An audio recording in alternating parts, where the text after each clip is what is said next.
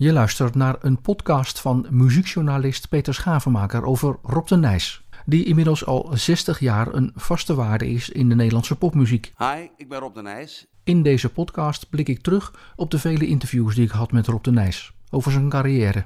Deze podcast is gemaakt aan de vooravond van zijn allerlaatste concert. Het is mooi geweest, ook de titel van zijn laatste CD en bijbehorend boek. Rob de Nijs moet zijn carrière stoppen door Parkinson. De carrière van Rob de Nijs, die geboren wordt op 26 december 1942, begint tijdens de talentenjacht Tuk op Talent, die op 23 juni 1962 in het Concertgebouw in Amsterdam wordt gehouden. Rob de Nijs zingt daar onder andere Do You Wanna Dance van Cliff Richard. De hoofdprijs van het winnen van Tuk op Talent betekent het opnemen van een single. Een aantal eerste singles floppen. In 1963, op 7 juni van dat jaar, is het wel raak met Ritme van de Regen. Er worden uiteindelijk 98.000 singeltjes van verkocht, net niet genoeg voor een gouden plaat.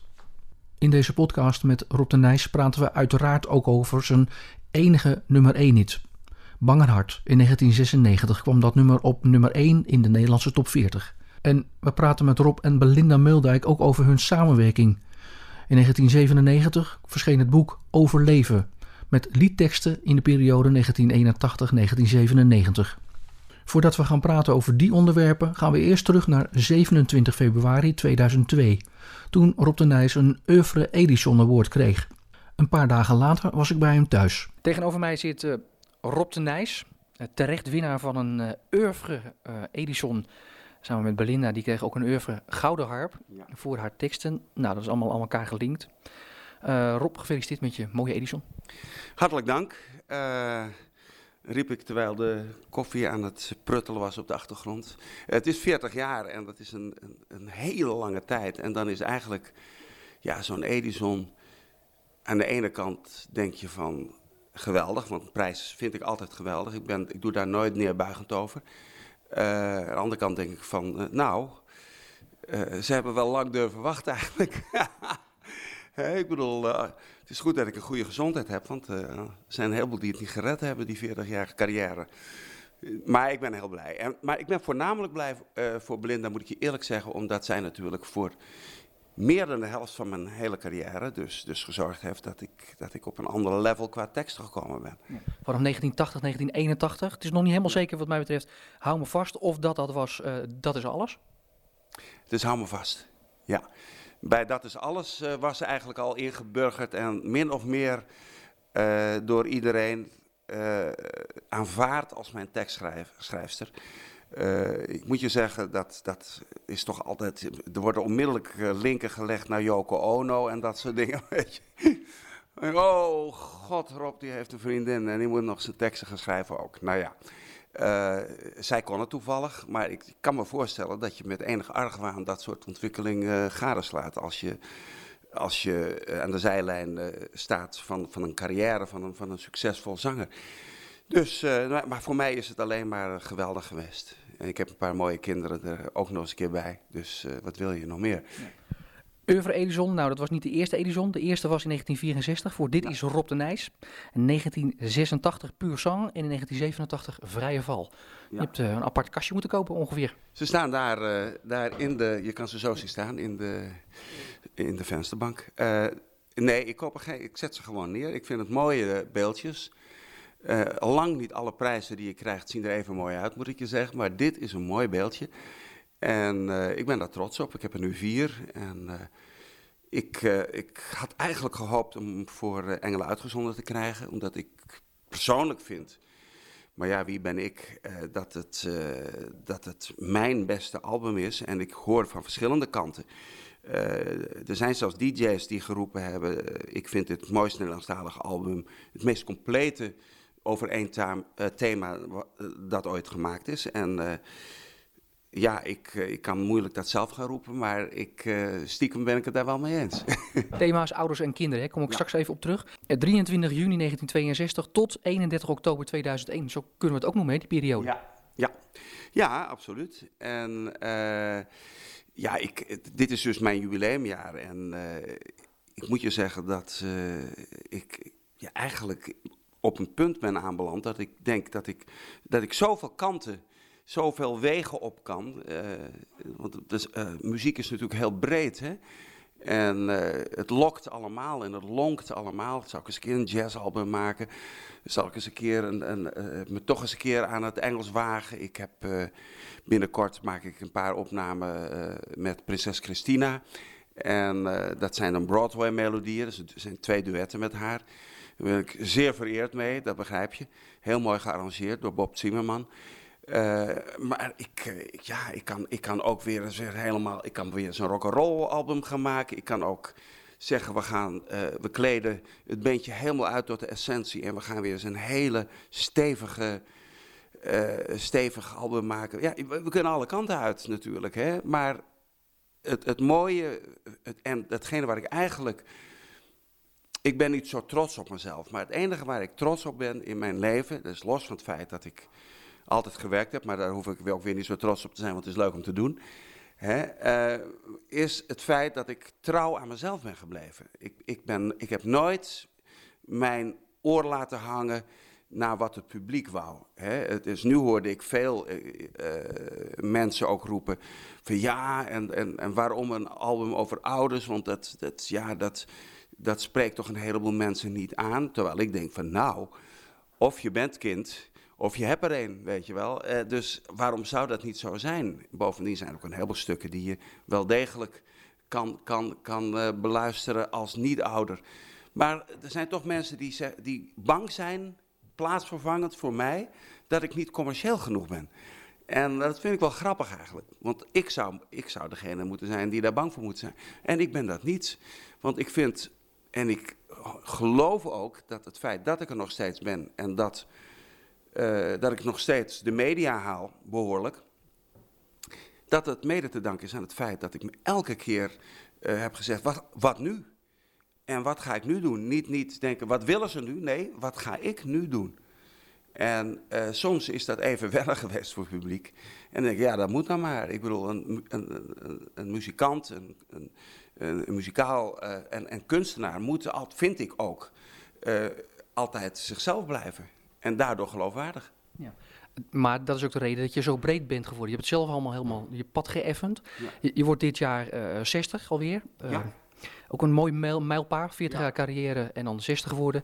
Je bent net met Cliff, ja, een van de twee mensen die het zo lang heeft volgehouden. Ja, ja, ik uh, moet daarbij aantekenen dat uh, ik, ik ken Cliff vrij goed. Ik hoop hem dit jaar ook te zien. Ik, uh, ik wil proberen of hij mee, mee kan gaan doen aan een van mijn jubileumconcerten. Want dat, ja, dat is natuurlijk, het ligt voor de hand. Maar aan de andere kant is het ook enig om te doen. Het is een hele bijzonder amabele man.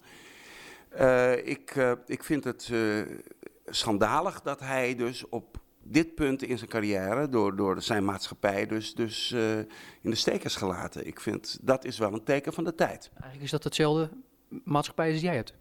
Inderdaad, ik heb ook, uh, ik heb ook uh, luide mijn, mijn ongenoegen die kant op laten, laten blijken. Ik heb ook gezegd, dus jongens, dat kan natuurlijk niet waar zijn dat, dat een zanger die gezorgd heeft, samen met de Beatles, dat jullie groot zijn geworden en, eh, en, en zoveel geld hebben verdiend en zo, zulke prachtige gebouwen hebben neer kunnen zetten, dat je wanneer die even wat minder verkoopt, omdat, omdat er een, een tijdelijke trendverandering is, dat je dan zegt van nou, die, uh, die, die, gaan we maar, die moet maar eventjes verdwijnen.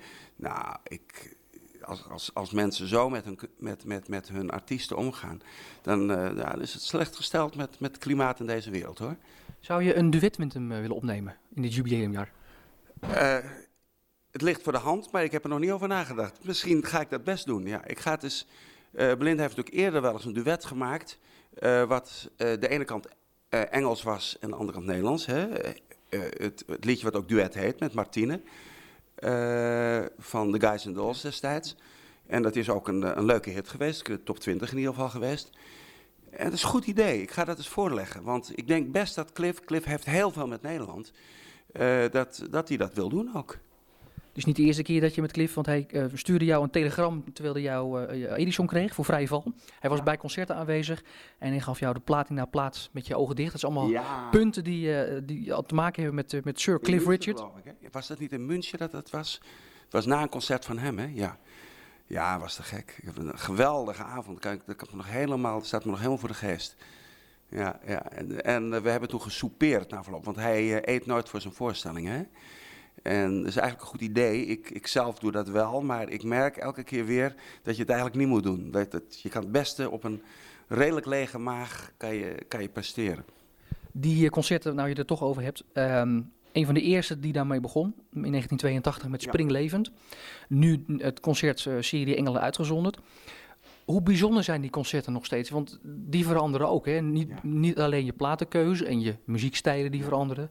Uh, bijvoorbeeld Bangerhart in allerlei mellow en rakka-versie en dat soort dingen. Ehm, maar ook de concertseries veranderen. Die zijn, uh, worden volgens mij steeds uh, intiemer, volgens mij. Ja. Nou, daar heb je volkomen gelijk in. En ik denk eraan om die lijn volgend jaar door te zetten. Ik heb uh, onlangs heb ik een geweldig mooi concert gezien van Margriet uh, Eshuis en Maarten Peters. Goede vrienden van ons geworden, ook omdat Maarten een beetje hofleverancier van melodie is geworden. Uh, en die, hebben dus die doen een concert met, met z'n vieren. Maarten gitaren, zal ik maar zeggen, zang. Margriet doet accordeon, geen piano in dit concert, maar wel gitaren. Of zingt alleen. En David uh, uh, Lopez Diaz en, en Ruud piano. dus ja, het is. Ze hebben, wat zou ik zeggen, we hebben, we, hebben zijn, we hebben de songs uitgekleed tot de melodie. En toen zijn ze weer gaan opbouwen binnen de mogelijkheden van die, van die vier mensen. En dat wordt zo inventief ge, gemusiceerd dat ik dacht van ja, dit is, dit is geweldig. De stem krijgt ineens heel veel ruimte. We hebben natuurlijk al een paar stukken in het laatste, eh, tijdens het laatste concert, Kapotte Engel en De Moeite Waard, uh, die met trio begeleid worden. En je merkt dat dat een heel mooi eilandje in het, in het, uh, tijdens het concert is. Maar je hoeft ook alleen maar de websites op te gaan. En je ziet dat de mensen geraakt zijn, steeds meer. Hè? Mensen zeggen niet, we hebben een leuke avond gehad, die zijn er ook bij. En natuurlijk hebben de mensen ook een leuke avond. Maar je merkt steeds meer dat ze persoonlijke statements, uh, statements gaan, gaan afleveren. Van, uh, ik wil je even vertellen dat ik, dat ik me geraakt voelde en, en, en dat het een bijzondere avond was. allemaal dat soort, soort, soort kreten. Het is niet van, nou, we, zijn ons dak gegaan, wauw, weet je wel. En dat moet natuurlijk ook, en dat, dat gebeurt ook. Want uh, er zijn natuurlijk zeker vier, vijf stukken tijdens het. Uh, en zeker naar het einde toe gaat het steeds heftiger worden. Maar de, de nadruk ligt steeds meer op de momenten van. Ja, van, van bijna introvertheid, weet je. Dat, je. dat je de mensen teruggooit op zichzelf met hun eigen, met hun eigen herinneringen. Het feit dat de laatste paar maanden mijn ouders zijn overleden, heeft daar natuurlijk ook mee te maken. Uh, ineens uh, ben ik op een heel andere manier. Ja, ben ik ook ten opzichte van mijn eigen repertoire gaan staan. Ik bedoel, uh, ik, ik, zie het in een heel ander perspectief. Elk woord wat ik zing, relateer ik aan, ineens aan, aan mijn eigen situatie. Terwijl ik vroeger veel meer de neiging had om te denken: dit is voor jullie. Maar het leuke is dat als het voor mij is, dan merken de mensen dat ook want je verdiept je op dat moment en, en, de emotie is groter terwijl je het staat te zingen. En bijna automatisch, dat is het mooie van muziek, uh, geef je die energie over aan de mensen. Maar is dat ook niet het rare als je eh, zulke dingen meemaakt, zulke droeve dingen meemaakt, dat je eh, dan zo verder moet? Dat je dan niet echt een moment krijgt om daar even echt heel erg stil bij te staan?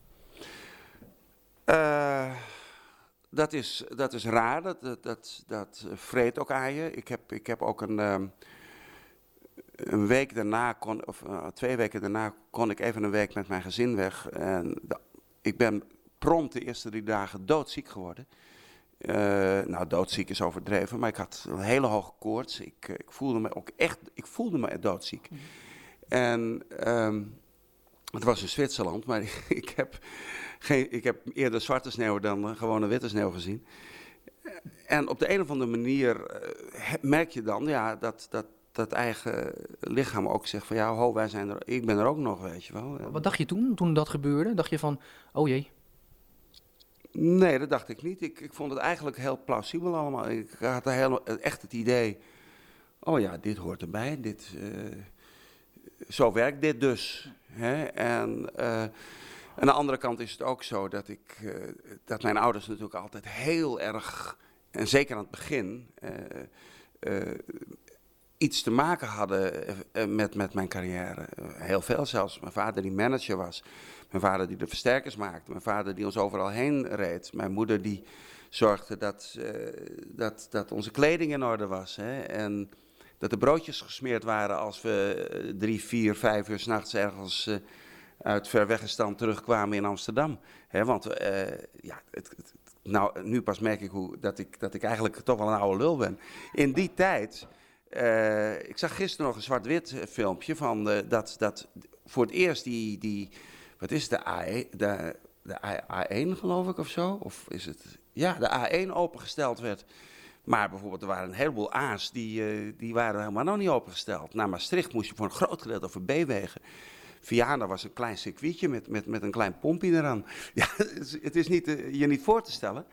Dus we deden veel langer over al die ritten met de Lords. En we gingen dan met zo'n Volkswagen busje, die, dat beroemde oude model, reden we daarheen. En uh, ja, als we terugkwamen, dan, uh, dan had je honger.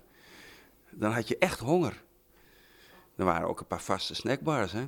met de nierbroodjes. Of, en die waren dan ook s'nachts nog open. En ik, ken er ook nog één, ik weet niet eens, eh, bij de Emma-kerk in de buurt in Amsterdam-Oost. Die is er nog steeds.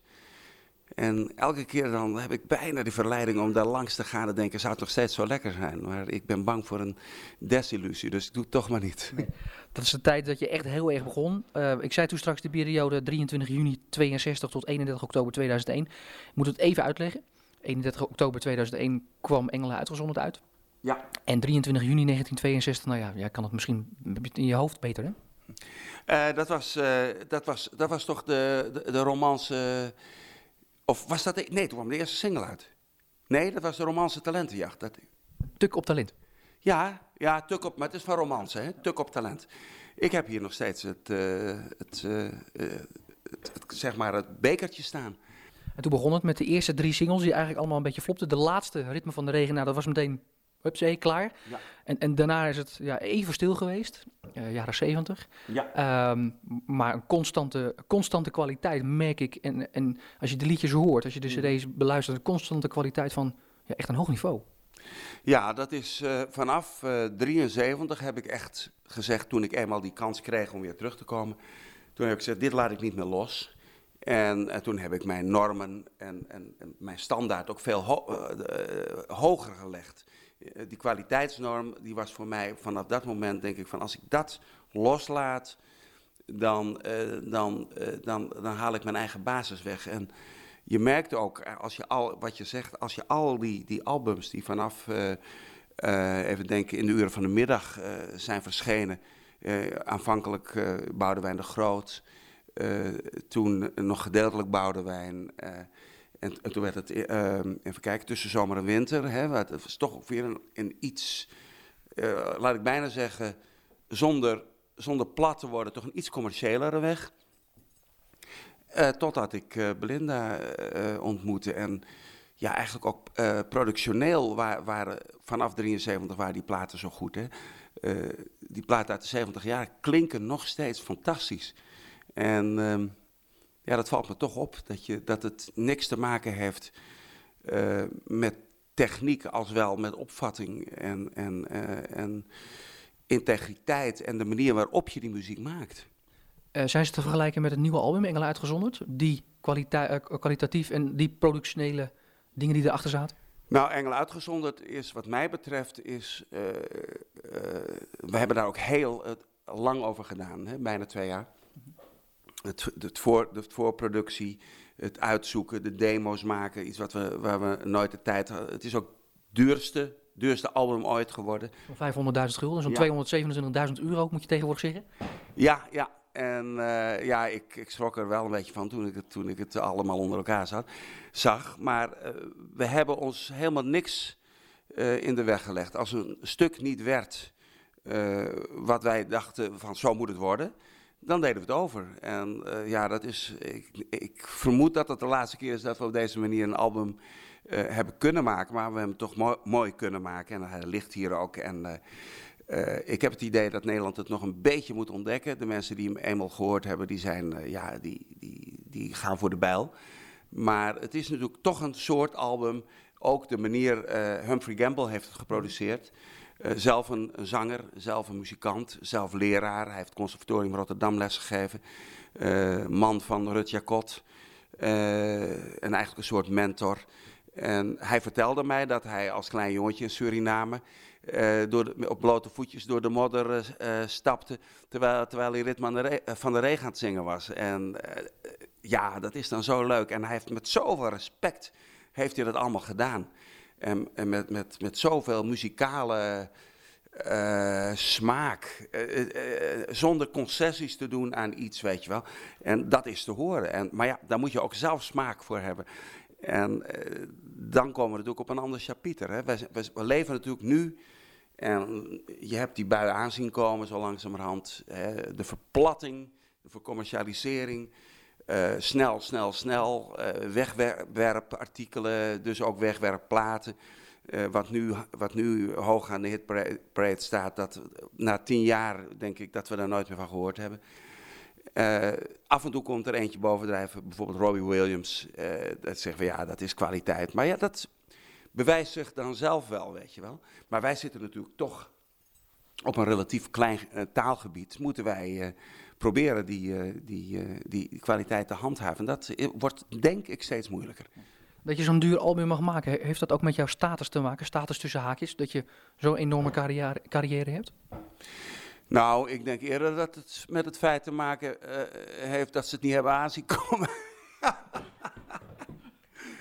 Ze dachten van het gaat wel goed en duurt wel een beetje lang en zo. Uh, maar ja, op een gegeven moment kan je niet zeggen van we blazen het af. Toen ze eenmaal zagen hoe duur die werd, ja dan heb je één kan, uh, je, hebt, je hebt twee opties. Of je stopt ermee en dan heb je alles verloren. of je gaat door en dan wordt het nog iets duurder. En ja, knarsetandend moesten ze dat laatste helaas doen. tenminste, helaas, godzijdank doen. Maar nee, natuurlijk heb ik altijd wel uh, de credits gehad van oké, je, uh, je, mag een x aantal guldens of nu euro's uitgeven om een plaat te maken. Maar 500.000 gulden, 250, nee, wat is 220.000 euro denk ik, zoiets hè. Nee, dat, was, dat, is nooit, dat heeft er nooit in gezeten. Maar goed, uh, ze, ze krijgen het er wel weer uit hoor. Want uh, hij verkoopt toch samen met België. Is hij al zover dat, hij, dat ze al bijna op break-even zijn. Dus uh, ik heb daar persoonlijk.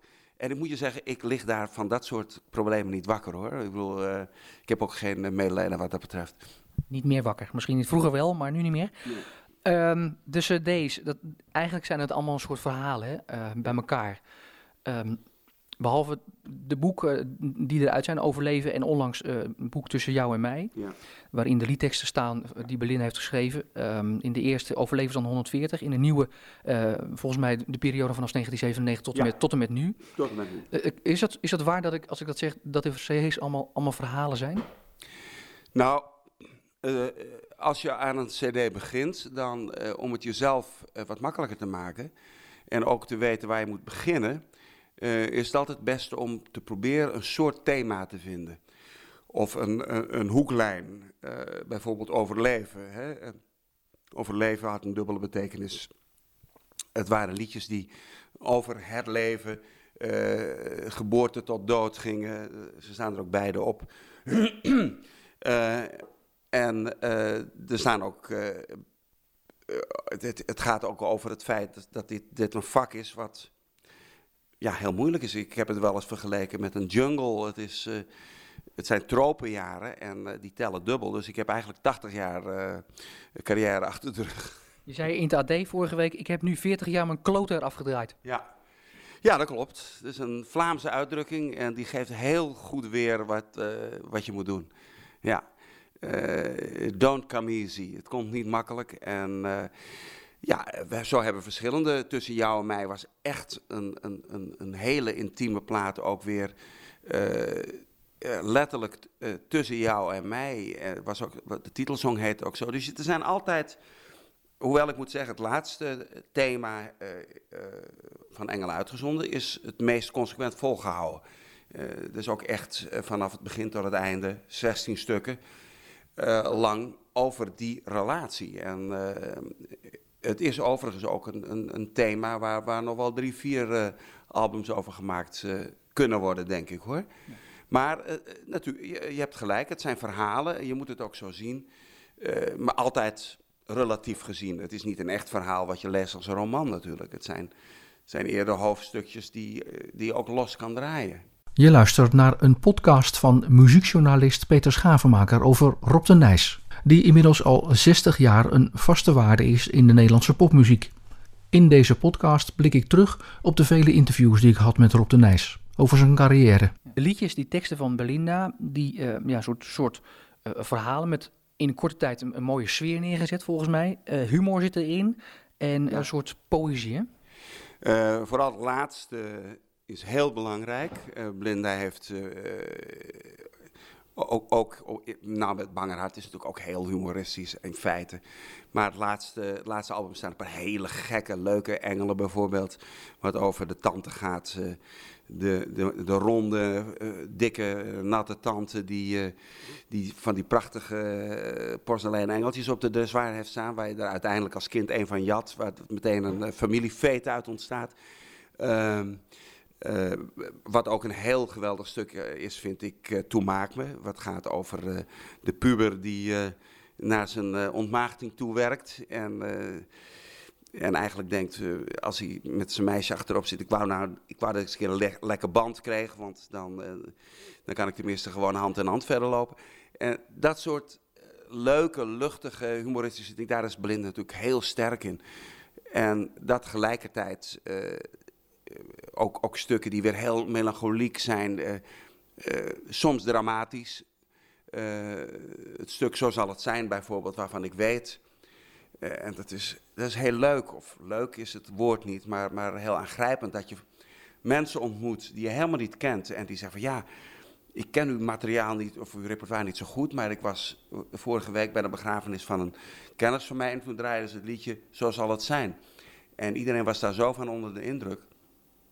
En dat is dan ook een lied wat ik toen Belinda schreef, zei van ja, dat vertolkt zo, het is zo, aan de ene kant zo troostrijk naar de mensen die achterblijven toe. En het vertolkt zo de, gevoelens zonder dat, je, dat het pijnlijk wordt van, van, uh, van een afscheid. Dat, uh, ja, uh, dat het inderdaad steeds meer gedraaid wordt tijdens begrafenissen. En ja, ik, dat is het mooie van muziek, dat je iemand kan troosten ermee. Hè? Nog even over die, die oeuvre Edison. Hè. Eigenlijk is het een beetje een raar woord, hè, oeuvre. Oeuvre, ja. Uh, ja, ja. het lijkt een beetje op ei, hè? Ook. nee, oeuvre, ja. Oeuvre, oeuvre.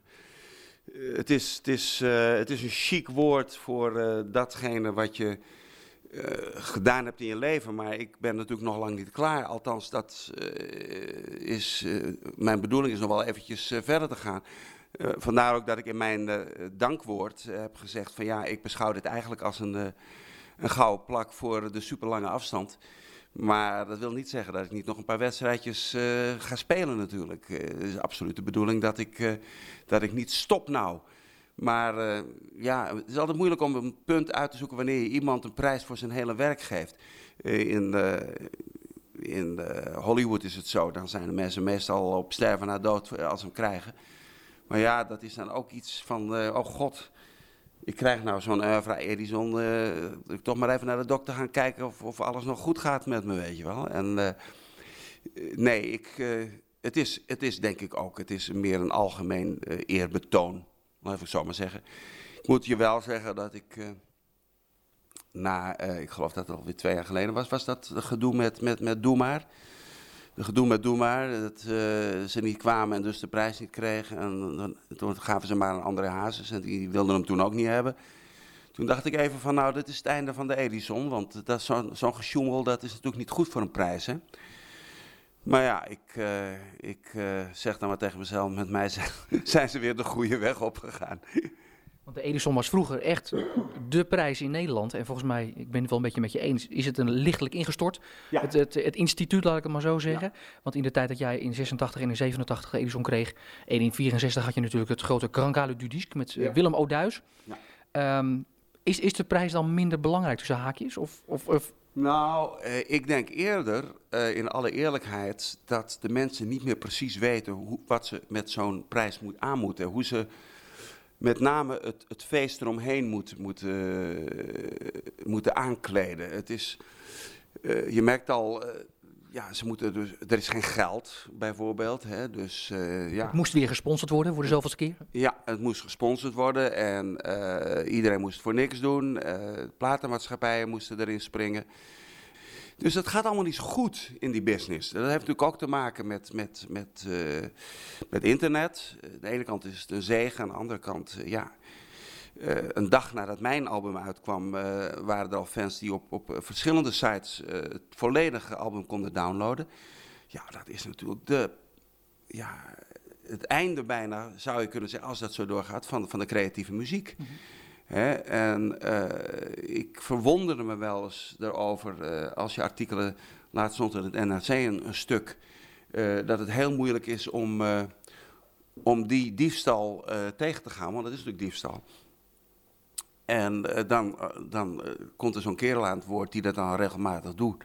En die zegt van nou, en die zit er helemaal niet, die heeft maling eraan, want die maatschappijen, die verdienen zich toch helemaal suf aan dvd's en cd's. En ik denk van ja, dat is misschien wel waar, maar wat, eh, wa- hoe- hoe- die muzikanten, die artiesten, eh, die, eh, en als je in Nederland, je verdient je helemaal niet suf.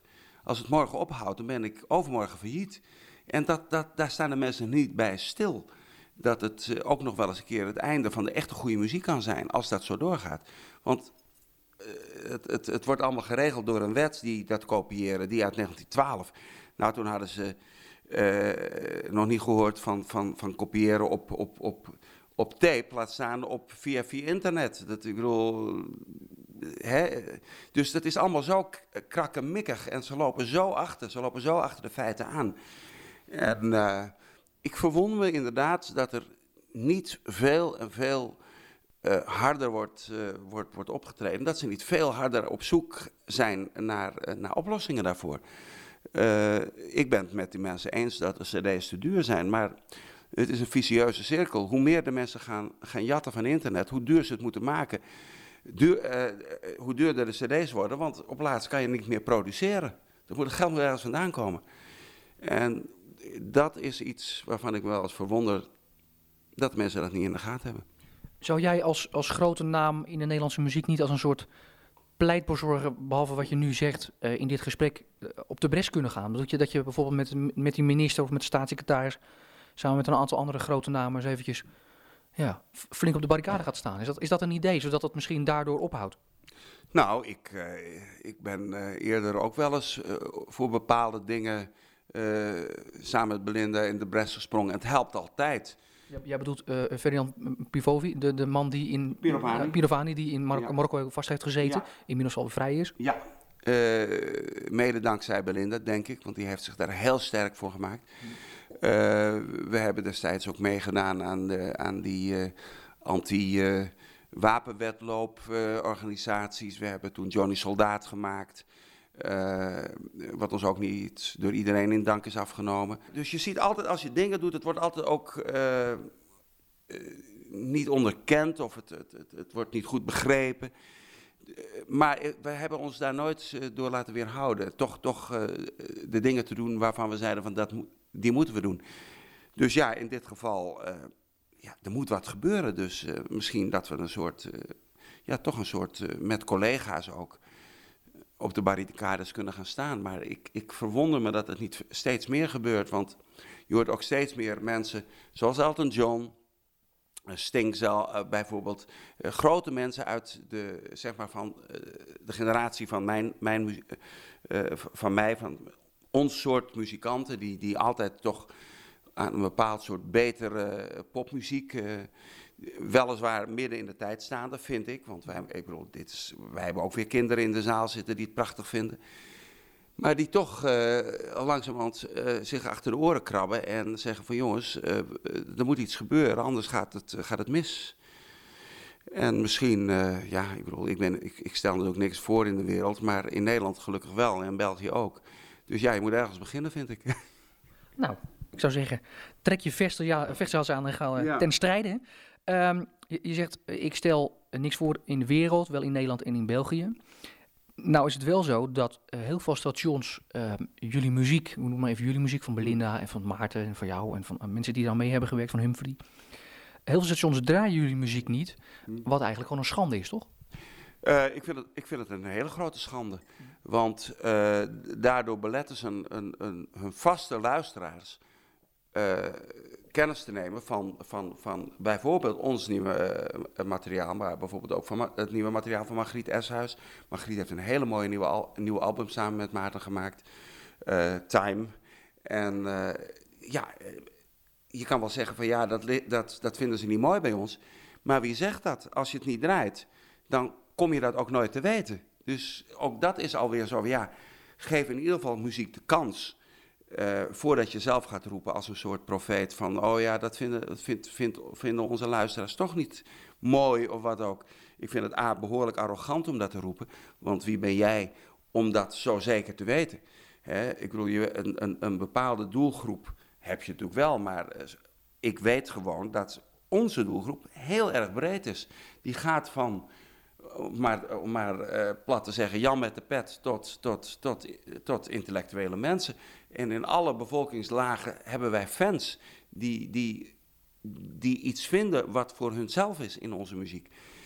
Dus ja, ik, eh, ik, er, zijn, eh, er zijn inderdaad zenders waarvan ik weet dat mensen die alleen naar die zenders lu- luisteren, die hebben het idee dat na Bangerhart ik nooit meer een plaat heb gemaakt. Nou, dat is natuurlijk schandalig. Want ja, A, is dat niet zo? En, en B, eh, eh, weet ik gewoon, ben ik, ben ik realistisch genoeg om te weten wat oude lullenmuziek is en wat muziek is voor, van en voor deze tijd. Kijk, het is natuurlijk niet zo dat wij, dat wij een bepaald soort eh, punk maken. Heavy metal maken we ook niet, dat is ons, onze stijl niet. Maar wat wij doen is wel degelijk ook beïnvloed door alles wat er in deze tijd gebeurt. Ook eh, eh, qua, qua grooves, noem het allemaal maar op. We gebruiken toch eh, weliswaar als doel om onze muziek te ondersteunen, maar we gebruiken overal invloeden van. Dus we staan nooit stil. En met andere woorden, we zijn, maken wel degelijk muziek die voor mensen is die nu leven. En vaak zeggen ze, hebben ze van ja, maar de, de, de kinderen die, die hebben geen boodschap aan jouw muziek. Nou, A is het zo dat die overdag naar school gaan. Dus als ze daar al boodschap aan hebben, horen ze dus niet wat er gebeurt op die dag.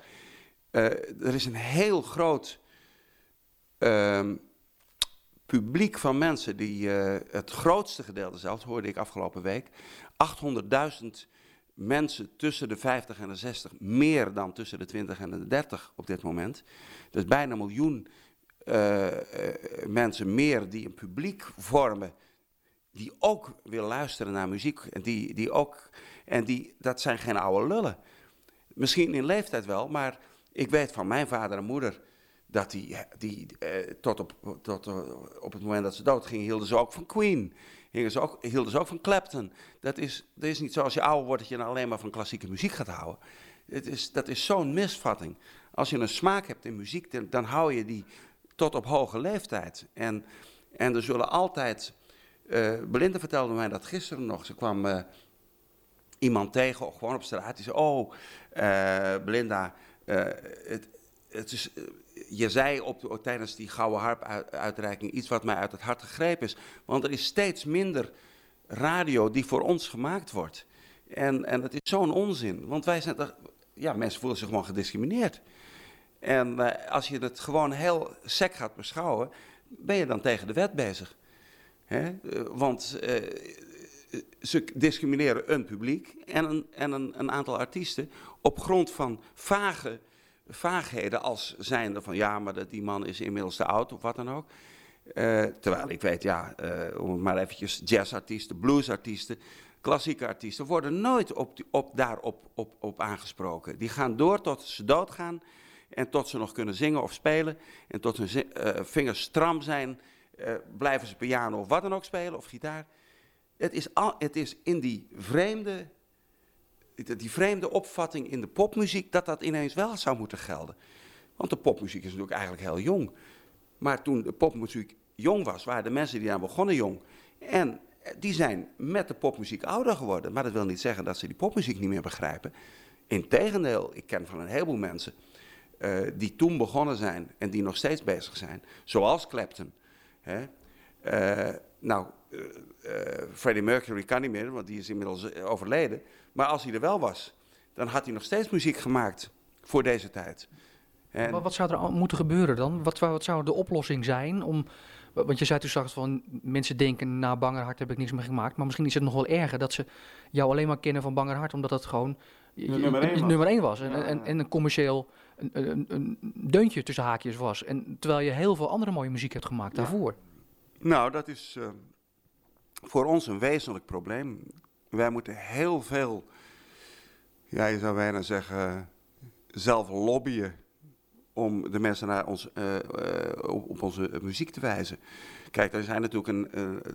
We hebben gelukkig ook een heel groot publiek wat zit te wachten op onze albums. Hè. ik bedoel, je hoeft de website maar aan te zetten en het gastenboek aan te klikken. En wij hebben dus in, vanaf het moment, dat is inmiddels, een, ik denk een, een jaar en twee maanden of drie maanden dat wij onze website hebben, hebben we 1 miljoen 600.000 uh, bezoekers gehad. Hits, noemen ze dat. En uh, ja, er zijn dus maar daar is dus een vast publiek van uh, wat wel weet natuurlijk wat wij doen en wat erop zit te wachten. Maar nogmaals, er is natuurlijk een heel groot publiek wat daar omheen die in principe wel geïnteresseerd zouden zijn als ze zouden weten wat je aan het doen was. En dat, dat, is, dat is heel kwalijk. Dat is hetzelfde als je bijvoorbeeld een banketbakker bent en je kan je broodjes niet in een relaasje, of je ruikt niet dat hij nieuw, uh, nieuwe koekjes gebakken heeft, dan, dan weet je ook niet. Hè, dan word je ook niet geprikkeld om die, om die broodjes en die koekjes te kopen. En dat is iets wat, wat, wat mensen niet begrijpen. dat dat van wezenlijk belang is van heel veel mensen die, die absoluut mooie muziek uh, maken die, die, het, die, die het waard is om naar te luisteren. Ik, misschien is het een hele rare vraag. Zijn er makkelijk eikpunten, we hadden toen straks even over andere eikpunten, te noemen die die 40 jaar mooi in beeld brengen, muzikaal? Of is dat lastig? Nou, eigenlijk is het bijna per decennium te bekijken, dus per tien jaar. De eerste tien jaar die ik beschouw als uh, de aanloop en de kortste periode eigenlijk tot en met uh, vijf, eind 65. 66 hoorde er eigenlijk al niet meer bij. Dat was meer een, een soort, soort uh, proberen om het geheel te consolideren en te zeggen van nou, uh, we gaan nu liedjes zingen van die laatste drie jaar. dat was tijdens Boltini. samen met, Bol met John Lyon heb ik dat toen gedaan.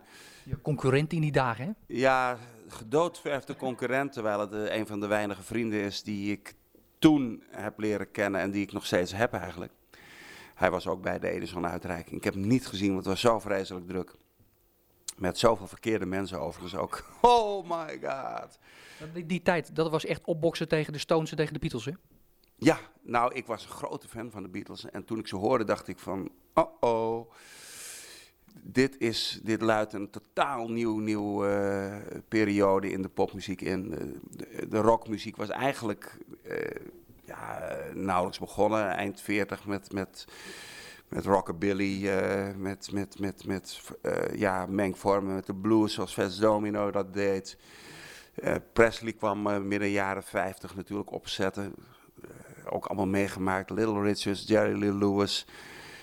voor mij de grote mensen.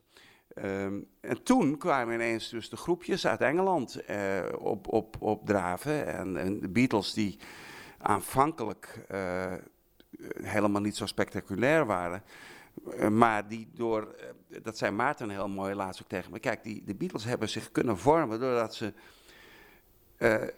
het, het comfort hadden om door te gaan. Hè? Als die ook maar één of twee jaar waren geweest, dan was het blijven steken in ja, in een soort van uh, skiffel of ska-groepje. Wat, eh, nou, skiffel was het meer, hè. En uh, ja, ze waren natuurlijk ook gek op, op, op, de, op de blues en de rockabilly uit Amerika.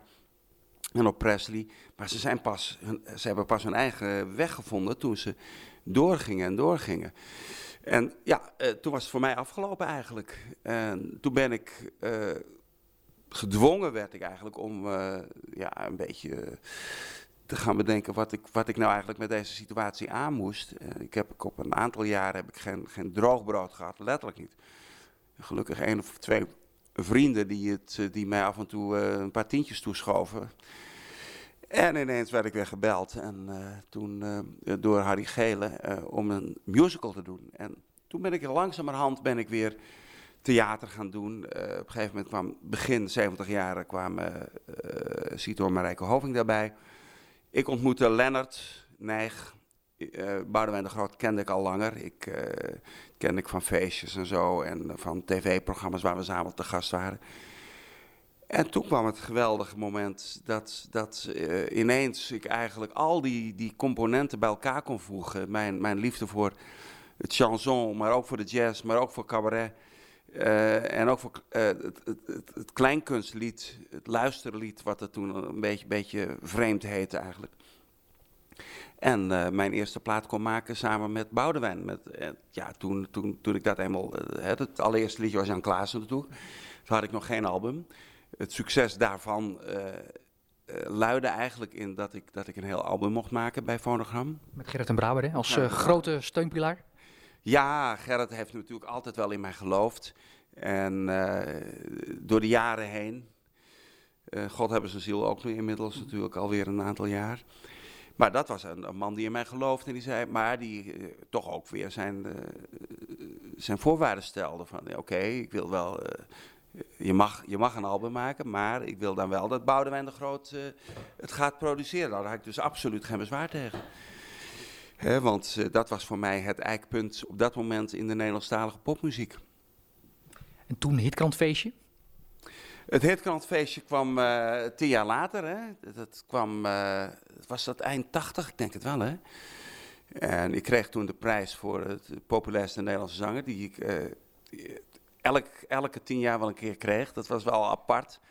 Het, het mooiste eigenlijk vond ik wel ook het moment, in, ik geloof dat de 74, dat ik meest veelbelovende zanger van, van Nederland, dat ik die prijs kreeg. Ben Kramer stond toen nummer 1 en jij kreeg toen de prijs als veelbelovende zanger. Ja, ja dat, was, dat was eigenlijk uh, wel ironisch natuurlijk, omdat ik al zo lang bezig was. Maar voor een heel veel mensen begon ik toen pas. Maar mijn echte ja, zeg maar de periode die nog steeds doorgaat. Hè, de, de, de periode dat Belinda voor mij schrijft, begon uh, op dat moment. Dat feestje waar ik een, een, uh, een, hitkrant trofee kreeg. Uh, ik was geloof van Afro Stop ook. Hè. En daar was Belinda ook. En Belinda die ontmoette ik daar. en ja, dat was, een, was even een een felle flits van twee kometen die, die elkaar die tegen elkaar aanknalden als, en als een iets grotere komeet verder gingen. Uh, zij kende al jouw vrienden al, maar ja. je had jou nooit ontmoet. En toen zei ze tegen jou van, ik wil eens even een paar liedjes voor jou schrijven. Dat was eigenlijk de manier waarop ze contact met jou kregen?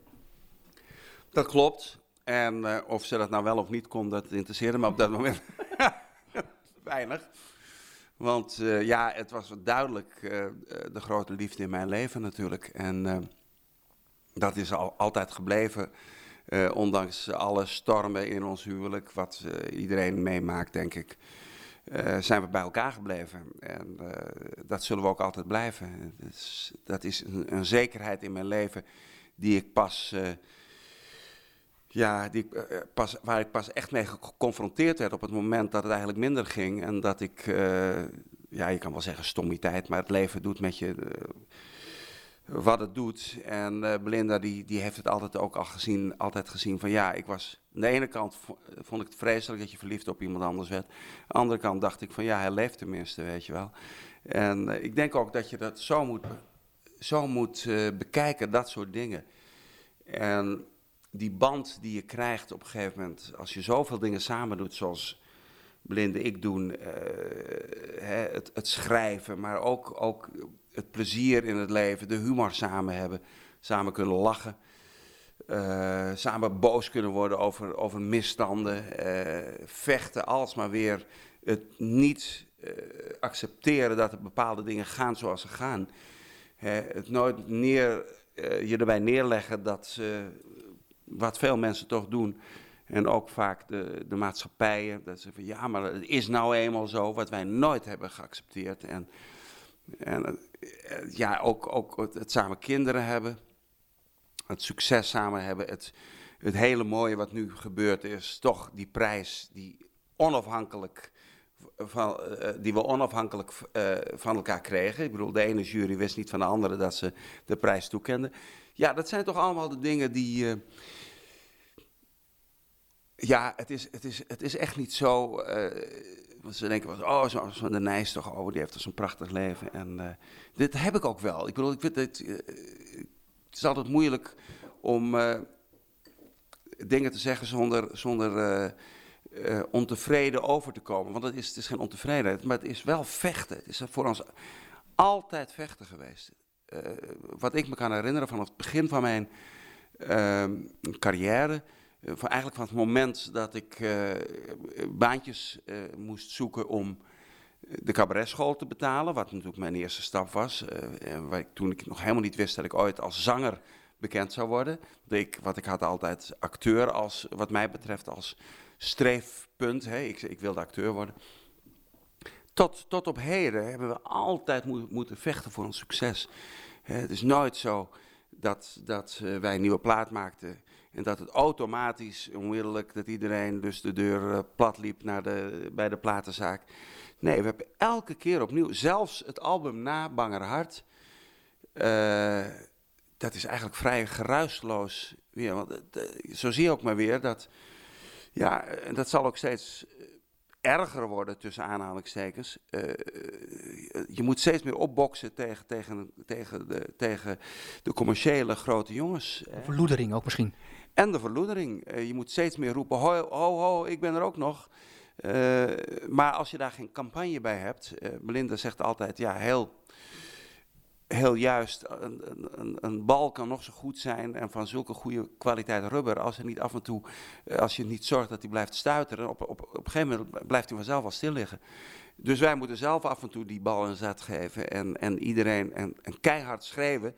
En dan, uh, dan roepen de mensen weer, ja, maar je hoeft toch niet zo hard te schreeuwen? En, ja, dat moeten we wel, want niemand, niemand doet dat voor ons. Niemand. En daar zijn we dus achter nu. Je luistert naar een podcast van muziekjournalist Peter Schavenmaker over Rob de Nijs, die inmiddels al 60 jaar een vaste waarde is in de Nederlandse popmuziek. In deze podcast blik ik terug op de vele interviews die ik had met Rob de Nijs over zijn carrière.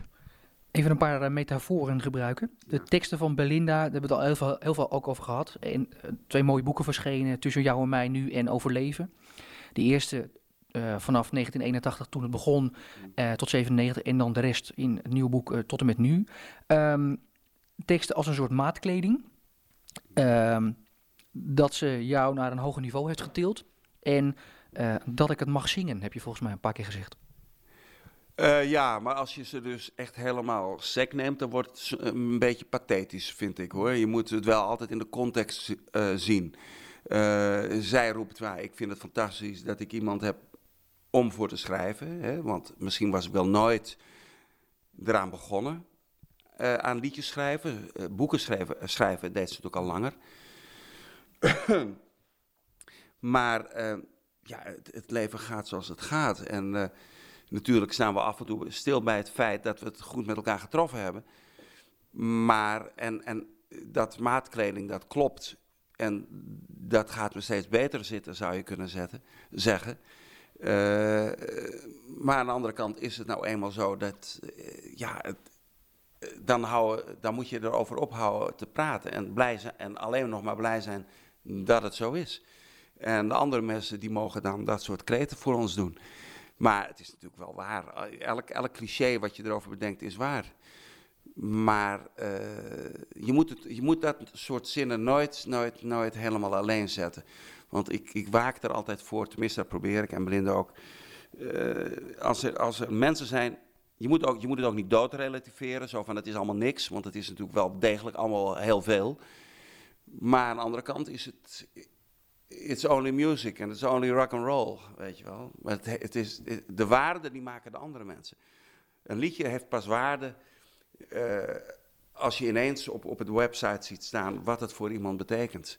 Hè, kapotte engel is bijvoorbeeld uh, met algemene stemmen op, op de website verkozen als mooiste liedje op het laatste album. Het is in, in België zelfs de single geworden. omdat er een, een, een, een, een, ja, een, soort, een soort UNICEF zou je kunnen zeggen, maar dan voor gehandicapte mensen. is die, die zeggen wij, wij willen dit als, als, bijna als leidmotief voor, ons, voor onze hele actie dit jaar gaan gebruiken. En ik kan me dat ook voorstellen, omdat, uh, omdat in dit, met name in dit liedje, dit liedje gaat over keuze die je kan, keuzen die je kan maken in, in, je, in je leven. En uh, zelfs als je dus op een gegeven moment wat uh, gebeurt en wat, wat je nooit wil, maar wat, wat, wat je overkomt, dat je een, een zwaar gehandicapt kind krijgt, waarvan je eigenlijk weg wilt vluchten. En terwijl je op een gegeven moment dat kan je doen. Eh, eh, eh, sommige mensen doen dat ook. En dat kan je ze ook niet kwalijk nemen, omdat het is heel vreselijk is. En omdat, om daarmee mee te leven, lijkt mij, want wij hebben natuurlijk een, een licht gehandicapt kind. En ik bedoel, wij hebben die keuze genomen om het zo te doen zoals wij willen doen. Maar niemand zegt mij wat ik zou doen als, als, als ik een echt zwaar gehandicapt kind zou krijgen. Maar in dit liedje maken we wel een, een positieve, eh, positieve, keuze door te zeggen van ja, oké, ik kan wel wegvluchten, maar wie tilt het kind op? Wie leert het eventueel uh, praten of lopen als het dat, al kan? Dus ja, ik, ik, ik ben degene die ervoor moet vechten. En uh, dat spreekt heel veel mensen aan. En geeft ze ook moed om die keuzes te maken. En ik wil Kijk, dan ook weer, zonder dat weer te zwaar te maken, het is maar een liedje. Maar ineens blijkt hoe, hoe zeer mensen dat, dat vastpakken als, als, als een soort troost en, en, en kracht ook van. Hij zingt erover en dit is precies uh, verwoord wat ik denk erover, dus ik ga door. En dat is natuurlijk heel mooi dat je, uh, een van de mooiste dingen van muziek die, die, je kan doen, is mensen raken en troost geven en kracht geven. En dan kan je dan inderdaad roepen, zonder dat je, en dan moet je ook weer mee oppassen, maar toch van wie ben ik dat ik dat mag doen? Dat is wel een van de mooiste dingen. En dat zeggen mensen va mij vaak op tijd als ik toch weer chagrijnig word en denk van uh, ik stop ermee, want er is niet vo voldoende waardering en zo. Dan denk ik van ja, kom op zeg, uh, er zijn zoveel mensen die het prachtig vinden en die, die, die je misschien heel veel verdriet zou doen als je ermee zou stoppen. De band Puur Sang, ja. Uh, dat is een, een, echte hechte eenheid, moet ik ja. zeggen. Echte hechte eenheid. Die al heel lang bestaat met een vaste kern. Ja. Hoe, lang, hoe belangrijk zijn die heren? Want heel veel liedjes zijn echte muzikantenliedjes, hè? Ja, ja, dat is ook een verwijt wat we wel eens hebben. Hè? Dat, uh, dat het te veel voor muzikanten is. Ik bedoel, uh, als, als je rondkijkt onder de muzikanten en ook bijvoorbeeld... Ja, nu helaas is Kees den Hoed, onze bassist, even ik hoop niet al te lang geveld door een hernia. En hebben we twee nieuwe bassisten moeten, moeten inzetten. Eén bassist die werkt voor, bij Willeke en de andere die bij Frank Boeien werkt. en die zegt van wauw, wat een geweldige muziek is. Die het eigenlijk op dat moment voor het eerst ook, die kennelijk ook niet weten precies. Behalve Banger Hart en, en, en die dingen die dan boven komen drijven die niet precies weten wat, wat er allemaal op die album staat. En die dan pas zeggen van, god, is dat goede muziek, zeg. Dus voor muzikanten uh, zit het wel snor. Hè? En uh, vandaar ook dat we, ja, onze, onze concerten, die, die, floppen, die floppen nooit. En uh, dat komt gewoon omdat dat bandje, waarvan de, de kern inderdaad al één jongen, zelfs Ferry Lever, de gitarist, die ooit begonnen is bij de T-set, toen After T en via allerlei eh, bands uiteindelijk bij mij is gekomen, maar al meer dan twintig jaar in mijn band speelt. Frank Jansen, die al 18 jaar in mijn band speelt, uh, pianist. Kees ten Hoed, ook al, ook al 19 jaar bij, bij de band speelt. de drummer zit er inmiddels, dat is dan de jongste tussen haakjes, maar die zit ook al 12 jaar in de band. Dus ja, en voor de rest, wat er omheen zit, dat, dat wisselen we zo leuk, weet je wel. Hoewel, moet je zeggen, dit jaar, uh, deze tour die we nu maken, Engel uitgezonderd, zitten heel toevallig Danny Kaan en Anita, van Kuik, Anita Kuik weer in. Anita van Kuik. En die zaten er ook bij Zilver in. Hè? En uh, dat was het grote concert wat destijds in twee delen door de VARA is uitgezonden. Dus ja, wat dat, wat dat betreft zijn we uiterst loyaal uh, naar onze, onze muzikanten toe. En zij ook naar mij toe. En zo hoort het ook. Dat is iets tussen jou en hun, hè? Dat is iets tuss, tussen uh, hen en mij. En, en ja, ik. Het voordeel, voordeel daarvan is, er is een, een, een, een nadeel, zou er kunnen zijn, namelijk dat je dus routineus wordt. wij hebben dat niet, omdat wij nog steeds heel graag spelen ook. We, we zien het, de, het concerteren op zich als leukste gedeelte van ons vak eigenlijk. We repeteren krankzinnig lang elke keer. Daar, wordt nog wel eens over geklaagd. Toch vervelend toe dat jij steeds van tevoren wil repeteren, ja. terwijl ze al heel lang de nummers spelen? Ja, omdat ik ook vind dat je elke keer die, die, die nummers toch moet oppoetsen of ze op een andere manier moet benaderen, zodat zo ook voor ons, niet alleen voor het, het, publiek, maar ook voor ons leuk blijven. Want als ze voor ons leuk blijven, dan zijn ze ook weer voor het publiek leuk. Zo werkt dat nou eenmaal. Als je naar een concert gaat en je ziet een, paar oude heren die, die plichtmatig hun nummertjes aan af ja, dat is voor niemand leuk. En bij ons spat het eraf. En uh, dat merk je ook gewoon. Hè? Dus uh, je hoort het ook van de, van de theatereigenaren, of uh, de eigenaren, directeuren de dikke deuren. En die zeggen na afloop van, ja, heel vaak hoor je zelfs van, er is geen enkel concert in het hele jaar waar de mensen zo blij en, en zo, ja, echt, echt onder de indruk van, vandaan, vandaan komen. Dat zegt, zegt, wij hebben ook een heel leuk publiek, het vaste publiek van ons. die nemen dan hun kinderen weer mee. Er zitten dus nu ook soms vaak op de eerste rij zitten weer kinderen van, van 8, 9 jaar denk nou, dat is die, uh, die worden weer opgevoed. en laatst ook in Oost werd er ook een foto gemaakt, vier generaties. oma, mama, die dochter en de kleindochter. Dat is toch bijzonder, hè? Ja. Um, hoe hou je dit vol, die, die concerten? Want het, het, het lijkt me zo'n enorme uitputtingsslag. Nou, dat, uh, je moet gewoon zorgen dat je, dat je, als je de concerten hebt, dat moet je heel goed in de gaten hebben. Dat je dus tussendoor genoeg recupereert. Het is niet zo dat je vier concerten en vijf interviews per week kan doen. Dat, dat gaat niet. Dat, dat kan je als, als, als jonge man al niet. Maar als ik zie dat ik dus nu, uh, toch, uh, zoals vorige week had ik vier concerten. ja, dat, ik doe het toch nog wel. En, maar je moet, je moet daar enorm mee oppassen. Je moet met de stem oppassen ik moet je eerlijk zeggen, interviews geven is vermoeiender en slechter voor je stem dan, dan zingen. Maar ik ben wel van plan om volgend jaar bijvoorbeeld vast wel eens drie, drie concerten per week te doen. En dat een maand achter elkaar, maar dan ook drie weken weg te gaan. En dat af te wisselen. Hè. Ik heb sinds een jaar of wat samen met Belinda een, een lekker huisje in Andalusië. Ik denk ook, ja, als ik dan 60 ben, dat ik dan ook dat eindelijk wel mag. Maar ik zal zeker uh, ik weet ook zeker dat je, wanneer je dat doet en je, en je, en je, ja, je die, die energie goed, goed verdeelt, dat je het ook nog jarenlang vol kan houden. Want die stem die op zich, die wordt niet slechter. Beetje kleinschalige dingen doen.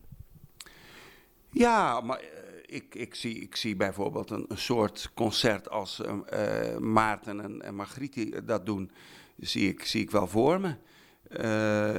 Nogmaals, ik heb het meegemaakt. Ik zie hoe inventief de, de muzikanten met elkaar omgaan en ook met, met de liedjes omgaan. Hè. Je wordt in feite gedwongen om, om, om een song op een andere manier te benaderen. En dat is op zich al spannend. Ook en daardoor ook weer voor het publiek. Dus ja, ik sluit niet uit dat ik.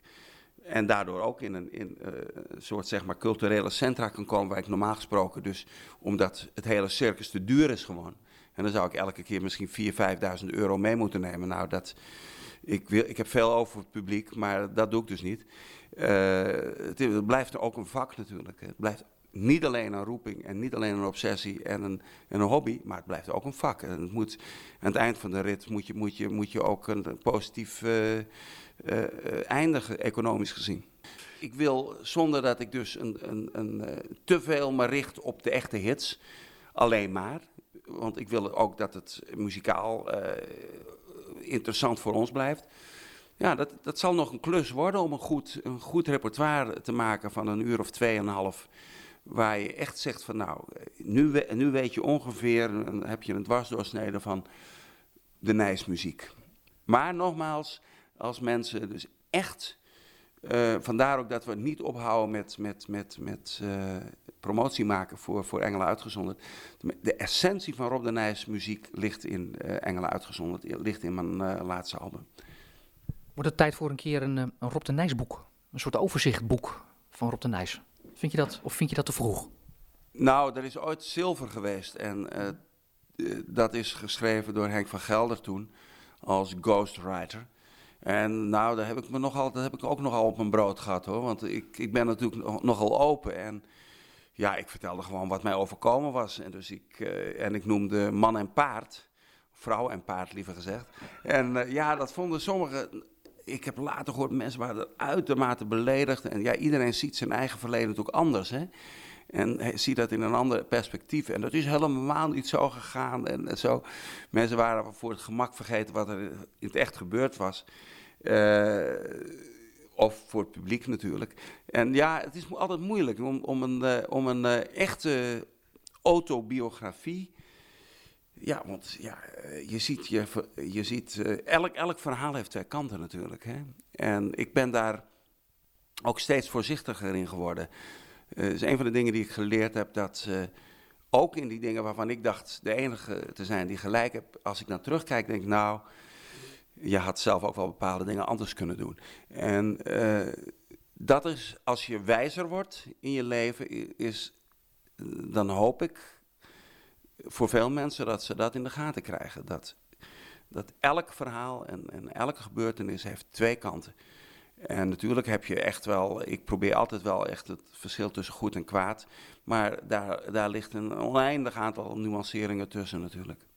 Maar het hoeft nog niet zeer een autobiografie te zijn. Het kan ook een boek zijn met alle LP-hoesen. Daarbij uh, alle uh, liedjes die erop staan. Wat er gebeurd is tijdens de opnames. Een beetje op die manier een soort ja. historisch boek. Dat is weer het anders dan een autobiografie. Ja, dat is waar. En dat zou voor de, voor de fans erg leuk zijn natuurlijk. Uh, alleen daar gaat ontzettend veel tijd in zitten. Want uh, ik kan, uh, tenzij iemand weet die, die, die research voor je gaat doen. En nou, er zijn maar weinig mensen die, die tijd is geld. Die zeggen van nou, dat ga ik wel eens even voor je doen. Ik bedoel, dat is de moeilijkheid altijd. Hè? Ik heb zelf ook wel dingen, er ligt een schat van materiaal, maar wie gaat het afdraaien? Ik, ik, weet zeker dat, dat, dat, er op al die banden die nou op zolder liggen en die overal verspreid liggen, uh, unieke opnamen liggen, die, die echt. Uh, er, is ook, er is ook een, een VPRO-uitzending geweest ooit. Dat komt gedeeltelijk straks terug op wintertijd in april. Dat heb ik al opgenomen. Waar ik zelf ook van sta te kijken. Dat is met een bandje dat in die samenstelling ik totaal vergeten was. Dat was met Pierre van der Linden, maar dat was ook al met Dave Pike. Ik, en uh, ja, dat, dat zijn unieke dingen natuurlijk. En zo, zo moeten er veel meer dingen te vinden zijn. Je luistert naar een podcast van muziekjournalist Peter Schavenmaker over Rob de Nijs, die inmiddels al 60 jaar een vaste waarde is in de Nederlandse popmuziek. In deze podcast blik ik terug op de vele interviews die ik had met Rob de Nijs over zijn carrière. We praten met Rob en Belinda Muldijk ook over hun samenwerking in 1997 verscheen het boek Overleven met liedteksten in de periode 1981-1997. We zitten uh, naast Rob de Nijs. We gaan met jou praten en met Belinda over een boek Overleven. Een, uh, een boek met liedteksten 1981-1997. Natuurlijk over de cd Overleven. En daar hoort ook die uh, dansen cd bij. Ja. Met allemaal nieuwe versies, kom ik straks eventjes op. een monument heet het boek. Ja, dat is, als je het zo bij elkaar ziet, dan besef je ineens God, wat heeft ze veel en veel mooie dingen geschreven. Inderdaad. Dus uh, ja, ik vind het wel. En het, gelukkig vinden de mensen dat ook, want uh, het wordt erg goed verkocht. En over het algemeen zijn dit soort boeken, ja, die komen dan wel uit, maar worden ook vervolgens niet echt opgemerkt. En ik, ik ben heel blij met het feit dat er een heleboel mensen die, die hele verzameling bij elkaar willen hebben. En het toch eens willen nalezen. En voor mij is het ook makkelijk. Want als we weer eens een, een nieuw oud stukje hebben, dan moet ik het toch weer even mijn geheugen opfrissen. Dus het is voor mij ook een makkelijk boek. Een nieuwe tekstboek hè, in plaats van al die blaadjes op toneel. Ja. Um, het gaat dus over de liedteksten die eh, Belinda heeft geschreven. Belinda, um, vind je het niet moeilijk om die, die teksten in een boek te zetten? Want ik kan me voorstellen dat het een soort kindjes voor je zijn. En nu kan iedereen het gewoon ja, kopen en opslaan. Het is heel raar omdat ze zonder muziek staan. En uh, toen ik ze aan het verzamelen was, hoorde ik in gedachten natuurlijk alsmaar de, de melodieën erbij. Maar het, uh, het heeft ook een heel leuk uh, effect. Want een hoop mensen die, die dat, dat niet hebben, die niet onmiddellijk bij al die woorden weten welke muziek erbij hoort, die gaan ze veel objectiever beschouwen. En daar krijg ik allemaal, ja Waar ik bang voor was, namelijk om songteksten af te, af te drukken, dat ze dan toch een beetje gehandicapt zouden zijn. Dat is niet zo. Een hoop mensen zeggen dat het ook als poëzie heel mooi uh, overeind blijft staan. Dus daar ben ik heel blij mee. Al 15 jaar schrijf jij de, de liedteksten voor, uh, voor Rob, al wat meer, meer denk ik. Was een van de eerste Dit is Alles? Ja, dat was al inderdaad in de allereerste beginperiode. Het was echt zo'n zo'n zo'n zo'n breker ook. Het was een moeilijk nummer om te, om te maken. Dat herinner ik me wel. Dat was in mijn eerste serieuze hoofdpijn. ja. Dat stond nog niet op een album, hè? Dat is alles. Nee, er was een uh, tussenregel voorbij en, en, en, en uh, het volgende, wat was roman, denk ik. Ja. ja. Leren kennen op een feestje in 1980. Toen zei jij gewoon uit balorigheid van... zal ik eens een keer een liedje voor je schrijven? En zo is het gekomen, hè? Ja, toen zat ik eraan vast. Het was een beetje bluff, hoor. Het was meer zo van, wat zal ik nou zeggen om die man te ontmoeten?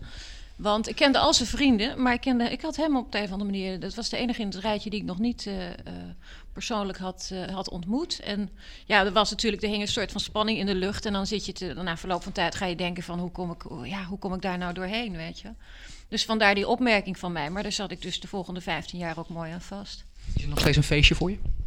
Ja hoor, ja. Het is, uh, nou, het, was, het is een soort van, van uh, ja, in, in één avond een beroeps- en een, en een, en een levenspartnerkeuze, hè?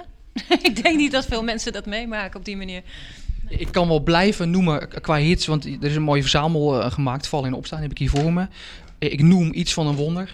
Ik noem uh, De Bind, de Zanger en het Meisje. Het album waar we vorige keer over hebben gesproken. Het jaar ja. over iets en wonder. En nu Overleven, mm -hmm. waar ook weer teksten op staan. Uh, in, in het boek staan echt uh, over de 100 liedjes. 140. Ja, het is echt ongelooflijk. Als ik die allemaal op moet doen, maar dat doe ik ook allemaal niet. Ik laat ze wel een paar horen in, in dit uur natuurlijk. Um, die, die, liedjes, hè. Um, dat staat in, in, de, in het voorpagina of in het hoestekstje staat poëtische lied, leesteksten staat er. Het lijkt me zo moeilijk te omschrijven, die, die teksten voor jou. Ja, ik, ik moet je eerlijk zeggen dat ik dat poëtische leesteksten, dat is, dan heb ik het boek nog niet verder goed gelezen. Ik heb dus wel uh, uiteraard de teksten nou, maar een poëtische leestekst. Ja, nou ja, goed. Je kan je er iets bij voorstellen, maar het is heel moeilijk te omschrijven, denk ik. Ik denk dat het, uh, los van het feit dat het inderdaad hele mooie teksten zijn om zomaar te lezen, uh, toch ook heel sterk stukken zijn waarvan ik hoop dat de mensen dus de muziek en de vertolking erbij horen als ze het weer teruglezen. Nu zeg je van, nou goed, er is een boek uit, maar daar staan de, de, de nummers en de muziek staat daar niet in. Nee. Het is, het is gewoon echt droog. Zijn het dan extra geheimpjes? Nee hoor, nee, helemaal niet. Uh, er zijn dingen die uh, ineens duidelijker worden wanneer de muziek er niet bij is. Omdat de muziek ook, ook op een bepaalde manier glad strijkt en ook de aandacht afleidt. Soms. Uh, het mooiste is natuurlijk als het een de ander ondersteunt, maar dat lukt lang niet altijd. Dat kan ook niet. Zeker niet als je zoveel schrijft en zoveel zingt uh, zoals Belinda schrijft en als ik zing. Maar uh, ik, ik, merk wel dat er bepaalde dingen ineens... Oh ja, wat heeft ze dat eigenlijk mooi gezegd toen ze dat en dat. Omdat, je, omdat er dan inderdaad helemaal niets is wat je afleidt van, van, van zuiver die, die woorden die er staan. Kan je een voorbeeld geven wat je net zegt? Nee, want uh, ik, ik kan wel voor, voorbeelden geven, maar in feite zijn, zijn, zijn alle liedjes voorbeelden. Ze heeft zoveel geschreven en los van de, van de wat wij dan noemen wat meer pretentieloze liedjes, zoals er natuurlijk ook uh, uh, op elk album horen te staan. Want uh, zoals bijvoorbeeld nu En Hoe, wat volgens mij ook een het laatste, wat een, een, een, single zou kunnen zijn. Maar bijvoorbeeld Elk Servet in, in ieder Hava-restaurant is uh, bijna een, een, een adolescente uh, beleving van, van, van de liefde en van liefdesverdriet. En uh, de berg op is weer, dat kan je weer heel, weer absoluut als een metafoor zien. Dus, en hoe hou ik op is weer een, een, ja, een wat, wat minder zwaarwegend, maar toch heel goed geschreven liedje.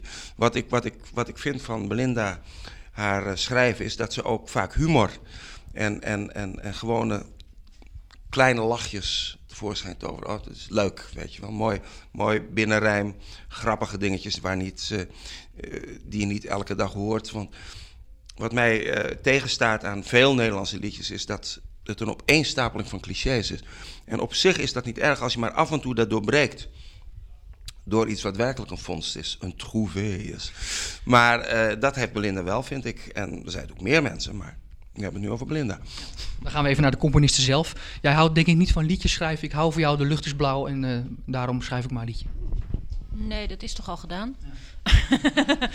nee, nee. Het, uh, het, het, het, is juist een uitdaging om uh, gevoelens die eigenlijk ja, heel, heel bekend zijn, want het zijn natuurlijk vrij universele dingen waar ik over schrijf, om die, uh, om die zo neer te zetten. Dat lijkt alsof ze net die dag zijn uitgevonden, alsof je het net ontdekt hebt in jezelf. En opnieuw moet zoeken naar woorden die dat kunnen omschrijven. Dat is de uitdaging. En dat is ook, ja, dat vind ik zelf het leukste van het vak. Het heeft natuurlijk in de beginperiode had ik een beetje last van het afschudden van. van uh, wat denk ik aan iedereen kleeft als je net begint met schrijven, dat je denkt dat je aan bepaalde wetten moet houden of aan bepaalde verwachtingen moet uh, tegemoetkomen. En daar heb ik helemaal geen last meer van de laatste tijd. En zeker bij die laatste, dat waren dus allereerste teksten en naar de hand is de muziek er altijd pas bijgekomen. Dus ik had ontzettend veel vrijheid om precies datgene te doen, ook gesteund door het succes van Banger Hart. Had ik zelf ook het gevoel van ik kan alles kan alles opschrijven waar, wat maar in me opkomt. Ik heb de totale vrijheid.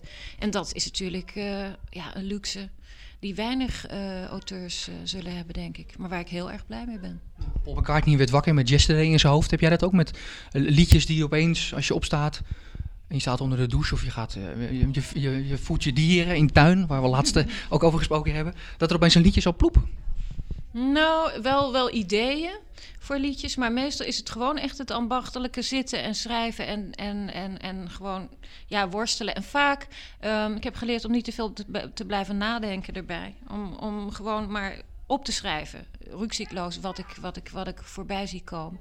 En daar zitten soms de vondsten in, inderdaad, waarop het over heeft. Dat je denkt van, hé, dat is grappig. Het is net alsof ik het niet zelf doe, maar alsof iemand anders het me ingeeft. Hoe zwaar zijn die worstelingen? Nou, ik, ik heb wel echt dat ik uh, denk van ik moet een ander vak gaan kiezen, want dit breekt me op. Dat ik tot s'nachts drie, vier uur heb zitten, zitten proberen om een bepaald gevoel uh, ja, in woorden om te zetten. En dat ik dan wel uh, die halve fles whisky leeg heb en wel dat hele pakje sigaretten op, maar dat het papier nog steeds helemaal wit is. Rook jij nog steeds? Rook jij nog steeds? Nou, als ik werk, ja, dan ziet de kamer blauw. Totale. En dan sta je op met dubbel spijt. Ik bedoel, spijt van alles gewoon. En ook vooral van het verkeerde vak wat je dan gekozen hebt. Want er, of, of er staat een zinnetje wat zo kreupel is dat ik niet echt een soort van schaamte voel. En het onmiddellijk in de vuilnisbak uh, moet gooien. En weer helemaal overnieuw beginnen. En dat, dat is met sommige nummers in het verleden. Ik moet zeggen, het laatste jaar heb ik dat niet meer. Maar in het verleden, zoals je zei net, van dat is alles. Dat was er zo één waarvan ik echt dacht van... ik kan het nog niet horen. Of ik hoor de moeite die het me gekost heeft om dat te maken. Die, die worsteling, is die, die ook bij jou erop? Als zij liedjes componeert, hoe is die feedback bij jullie? Nou, de worsteling is, komt bij mij over het algemeen pas... Uh, nou, die feedback is heel erg goed. Ik bedoel, er zijn dingen die... Dat is ook weer het gevoel, hè? Ja, en er zijn ook dingen waarvan ik zeg... Als ik het lees van... En ik ken haar natuurlijk heel goed. Dit, dit vind ik zelf niet zo mooi. En ik weet zeker dat je dat beter kan. En dan roept ze dus natuurlijk in de eerste plaats dat ze dat niet beter kan. En vervolgens zeg ik van, uh, ik weet het wel zeker. Nou, en dan, uh, maar dan praten we over een echt, over de hele beginperiode, dat er dus eigenlijk nog geen muziek bij is. En daarna gaan we schaven, maar de worsteling voor mij is vaak om, om de timing, om de interpretatie uh, juist te krijgen in de studio. En soms lukt dat onmiddellijk, heb ik hem al helemaal zitten. En soms moet ik hem vinden terwijl ik hem aan het opnemen ben. En dat is natuurlijk altijd een worsteling, maar dat moet het ook zijn, want niets komt vanzelf en, zeker niet in dit vak. Er staat altijd op, op singeltjes en op cd staat altijd uh, muziek Maarten Peters, tekst Belinda Meeldijk. Had er ook kunnen staan uh, tekst Rob de Nijs en Belinda Meeldijk? Uh, dat had kunnen, kunnen, kunnen zijn, maar dat is niet zo. Uh, mijn, had ik het moeten schrijven, ja.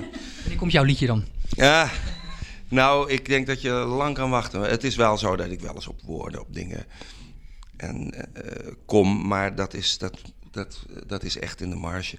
Uh, voor de rest is het, is het gewoon hun werk en hun compositie. Ik wil niet zeggen dat ik er niks mee te maken heb, want ik ben, ben bij het creatieve proces geweest. Ik heb het voor mijn gevoel ook toch gedeeltelijk gestuurd. En dat moet ook wel. Ik bedoel, uh, het is jouw interpretatie? Het is mijn interpretatie, maar er zijn ook, sommige stukken zijn ook meteen, daar komt ze mee en dan denk ik alleen maar, wauw, wat is dat mooi. Dat ik dat mag zingen. Hè? Maar soms is het ook, uh, ja, dan, dan denk ik dat en dat. Dat zijn nog, uh, naar mijn gevoel, kleine obstakeltjes. Het zijn, zijn vaak kleine dingen. Maar die kleine dingen maken het vaak moeilijk, want dan is het voor haar al af. En dan heb ik het idee, het kan nog meer goed lopen. En, uh, maar er komt nooit, er komt nooit een, een, een regel op die wat dat betreft niet door ons beiden is uitgedestilleerd. Dus, Iets van de wonder, de band De Zanger Dit Meisje en nu de nieuwe cd Overleven. En ik, ik stipte het aan het begin al even aan, de cd Dansen. Ja. Met erop de, de, ja, de hedendaagse Rob de Nijs, de house, house de Hijs, de Nijs. Ja, een beetje. Nou, het is, het is, het is dance, hè. het zijn ook uh, verschillende stijlen in de dance. Uh, bijvoorbeeld uh, Huis in de Zon is jungle, een beetje drums en bass, drums en bass. En er zijn ook hele echte, ja, er zijn, er zijn wat, wat je noemt transmixen. ik begin er al wat verstand van te krijgen, zoals je hoort. extra cursus gevolgd? Uh, nee hoor, dat niet. Maar uh, de man die het gemaakt heeft, uh, Sander Baas, die het, de oppermixer is, die, die komt uit de dancewereld. En daar heb ik dus heel veel over de dancewereld van, van geleerd. En het ook absoluut leren waarderen en gezien hoeveel creativiteit erin zit. Want het is, het is niet alleen maar een, een la met ritmes en sequences opentrekken. Hij verandert ook harmonieën. Hij, ja, het is, ik, vind het, ik, vind het heel interessant om te zien hoe dingen zoals Ritme van de Regen, het zangspoor is uit 63. En de rest is allemaal anders, is allemaal nieuw. En dat het toch op een bepaalde manier matcht, bij elkaar past, is, uh, is heel interessant. Het maakt het ook dat het soms op een hele prettige manier gaat wringen. En uh, ja, ik hou er wel van. Het zijn mensen die vinden helemaal niks. Maar ik hou ervan. Je luistert naar een podcast van muziekjournalist Peter Schavenmaker over Rob de Nijs. Die inmiddels al 60 jaar een vaste waarde is in de Nederlandse popmuziek. In deze podcast blik ik terug op de vele interviews die ik had met Rob de Nijs over zijn carrière. Rob de Nijs scoorde merkwaardig genoeg maar één nummer 1 hit in zijn carrière, die bijna 60 jaar overlapt. Op 27 juli 1996 wordt de single Bange Hart uitgebracht. In week 9, week 10, week 11 en week 12 en week 13 van dat jaar staat het op nummer 1 in de Nederlandse top 40. Dat is de week van 1 maart tot 29 maart. Hoe kijkt Rob de Nijs terug op merkwaardig genoeg zijn enige nummer 1 hit in zijn carrière? Uit 1996, de single Banger Hart.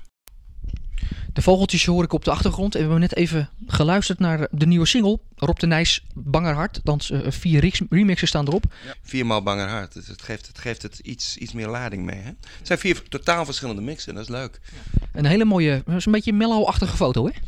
Uh, ja, hij is uit dezelfde serie die ook uh, op, op, op, de band De Zanger het Meisje is gemaakt. Alleen, uh, ja, dit, meestal maken we daar een paar honderd foto's. En deze paste erg goed ervoor. Ten meer omdat we hem ook in het geel hebben afgedrukt. Ja, ze, ziet er goed uit. Je hebt dezelfde bril op eigenlijk.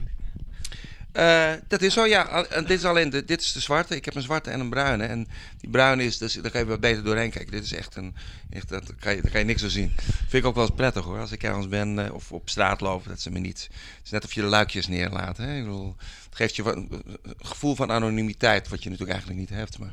Tegenover me Rob de Nijs. Uh, we hebben de CD, heb ik je meegenomen, Iets van een Wonder. En je laatste CD, De Bint, de zanger in, zanger in het Meisje. En een verzamel-CD, de ultieme Rob de Nijs verzamelaar. Vallen en opstaan. Deel 1 en deel 2. Ik heb deel 1 meegenomen. Um, nou, een mooie collectie, hè? Ja, ja. Het is, als je het zo ziet, denk je van het zijn een paar kleine uh, stukjes plastic en zo. Maar er, er, er, staat een heleboel mooie muziek op. En uh, ja, het is toch uh, de neerslag van inmiddels toch weer volgend jaar 35 jaar. Hè? Als je dus die vallen en opstaan één erbij rekent. Met natuurlijk de nadruk op wat ik de laatste drie jaar gedaan heb. Ja, daar wil ik het even met je over hebben. Uh, het wordt een beetje een soort uh, uh, jaarlijks gesprek met de minister-president. Want vorig jaar hebben we elkaar heel uitgebreid gesproken over iets van een wonder. Ja. En nu over de, deze CD, de nieuwe. Even iets, even iets terugblikken. 18 top 40 iets ongeveer, 5 in de top 10 de hoogste nummer 2 Alles wat aan had in november 1985. En op nummer 3 in september 73 Dag Zuster Ursula. Even wat wapenfeiten. Ja, Ritme van de Regen was ook uh, ja, twee of ja, drie. Ja, maar dat was al een stuk eerder. Hè? Ja. En op die cd, nou, ik kan een foto van vroeger, alleen is maar alleen de zondag, die pieper. Nou, laten we het daar niet over hebben. Dus iedereen kent dat. Banger Hart is straks natuurlijk top 5, hè? dat begrijp je wel. het is je gegund, want het is een beetje een uh, Rakka-achtig nummer. En dan bedoel ik uh, specifiek Rakka.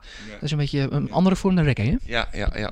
Nou, ja, ja dat is leuk. Iemand die er echt iets van weet. Meestal uh, zeggen van ja, het klinkt een beetje zus, een klein beetje zo. En uh, dan ga je er maar niet verder op in. Inderdaad, ja, het is, uh, er zijn zoveel afgeleide vormen van de reggae. En het is natuurlijk een dance vorm. Ze hebben alles weggegooid van de band, van de, de multitrack zeggen, waar alles op staat. Behalve de blazers in dit geval en de, en de vocals. En op de ambient versie zijn de blazers er ook uit. Is het in feite alleen nog maar uh, lead vocal. En voor de rest zijn, hebben ze eigenlijk een heel ander nummer eromheen geboetseerd. En dat is toch een enorm leuk experiment. Je luistert naar een podcast van muziekjournalist Peter Schavenmaker over Rob de Nijs. Die inmiddels al 60 jaar een vaste waarde is in de Nederlandse popmuziek. In deze podcast blik ik terug op de vele interviews die ik had met Rob de Nijs over zijn carrière. De Nijs is toch een fenomeen in Nederland? Uh, ja, jij zegt het. ja, maar ik voor, ik, een, een, paar weken geleden sprak ik Anita Meijer over, over haar nieuwe cd die binnenkort uitkomt. Toen zei ik van, nou, jij bent de koningin van de Nederlandse popmuziek. Als ik jou eens nou de koning maak? Dat vind ik leuk. Uh, het, is, uh, het is alleen wat Anita doet en ik doe, zijn, zijn toch redelijk ver van elkaar. Om te beginnen al door de taal. Zij zal nooit, praktisch nooit in het Nederlands zingen. maar zij is natuurlijk wel heel goed natuurlijk, uiteraard. Maar ik, ik uh, elke titel is meegenomen.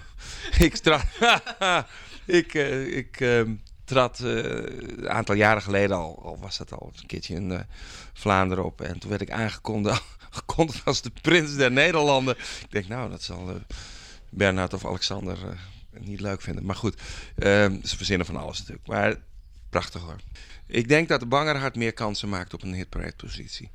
En daar is hij ook, hij is ook echt toegesneden op, op, op, op, op radio. Hè. Vandaar dus dat we hebben gezegd, jongens, we gaan, we gaan hem wat meer uh, kant en klaar gesneden op radio maken.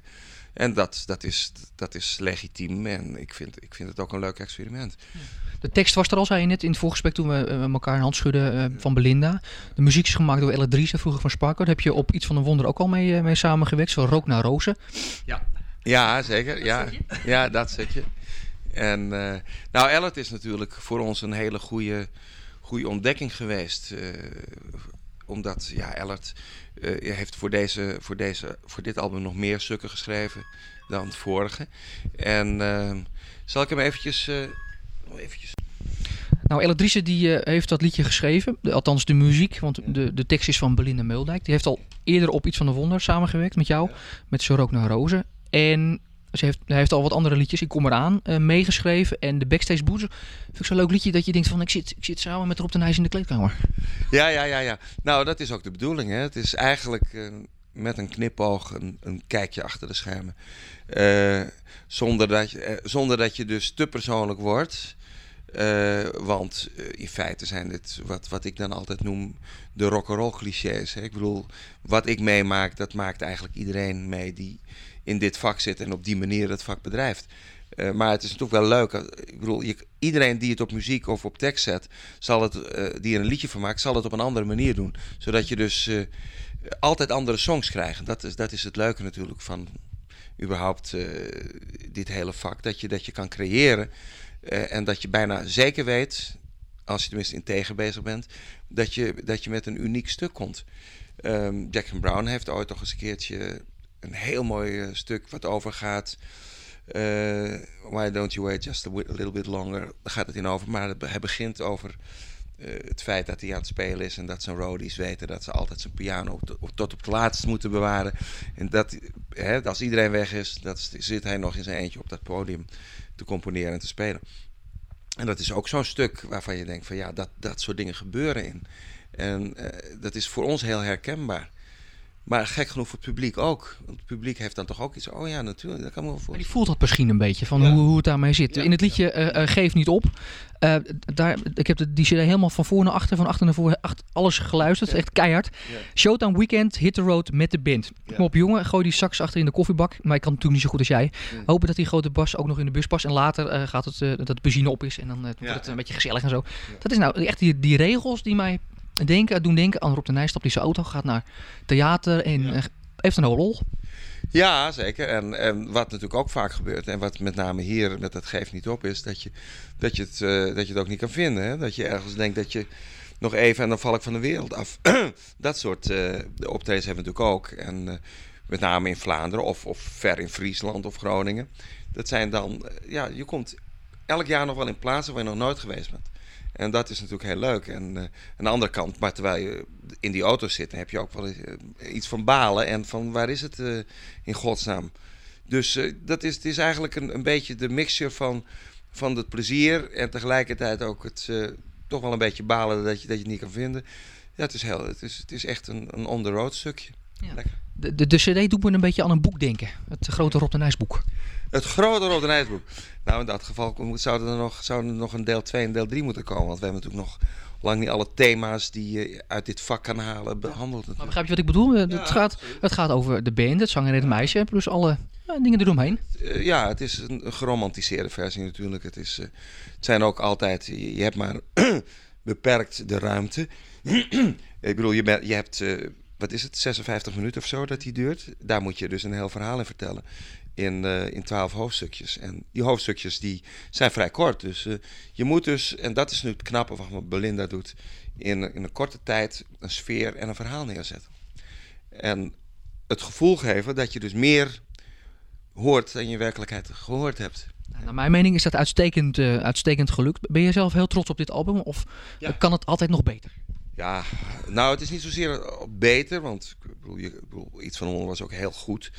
Eh, maar meer, eh, laat ik zeggen, minder edge, minder, eh, of meer edge juist. Hè? Is wat meer, meer, meer ongecompliceerd, wat meer alleen de band waar we dus nu mee bezig zijn. En dat, dat proces kan je natuurlijk meer, meer, meer, ja, wat zou ik zeggen? Je kan, je kan het geheel meer uitbenen nog. Hè? Je kan meer zeggen van nou, we gaan nog meer op zoek naar, naar de essentie van het liedje.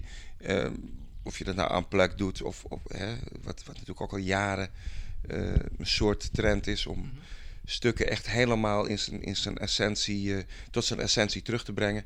Eh, of dat je zegt van nou, we, doen dat juist heel heavy met, met alle gitaren die we bij ons hebben. En gewoon echt rock'n'roll.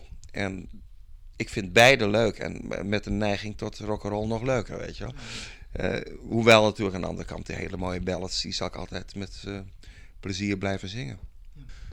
De energie die moet blijven. Hè? En natuurlijk word ik ouder, net zoals iedereen. En eh, dat, dat, ja, dat, dat krijg, je krijgt dus ook kwaaltjes. Je, wordt, je bent natuurlijk niet zo energievol meer als toen je twintig was, dat is logisch.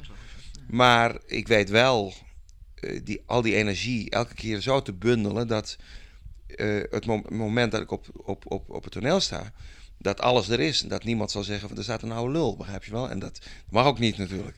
Ik bedoel, ik, het is niet zo meer dat ik op de piano spring, hè, want dan, eh, dan stoot ik mijn knieën misschien of zo.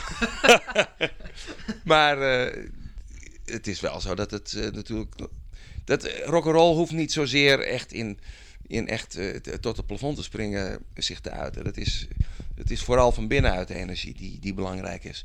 En die is er meer dan ooit, moet ik je zeggen. Rob de Nijs, het ga je goed. Dankjewel. Deze podcast en interviews zijn gemaakt door muziekjournalist Peter Schavenmaker.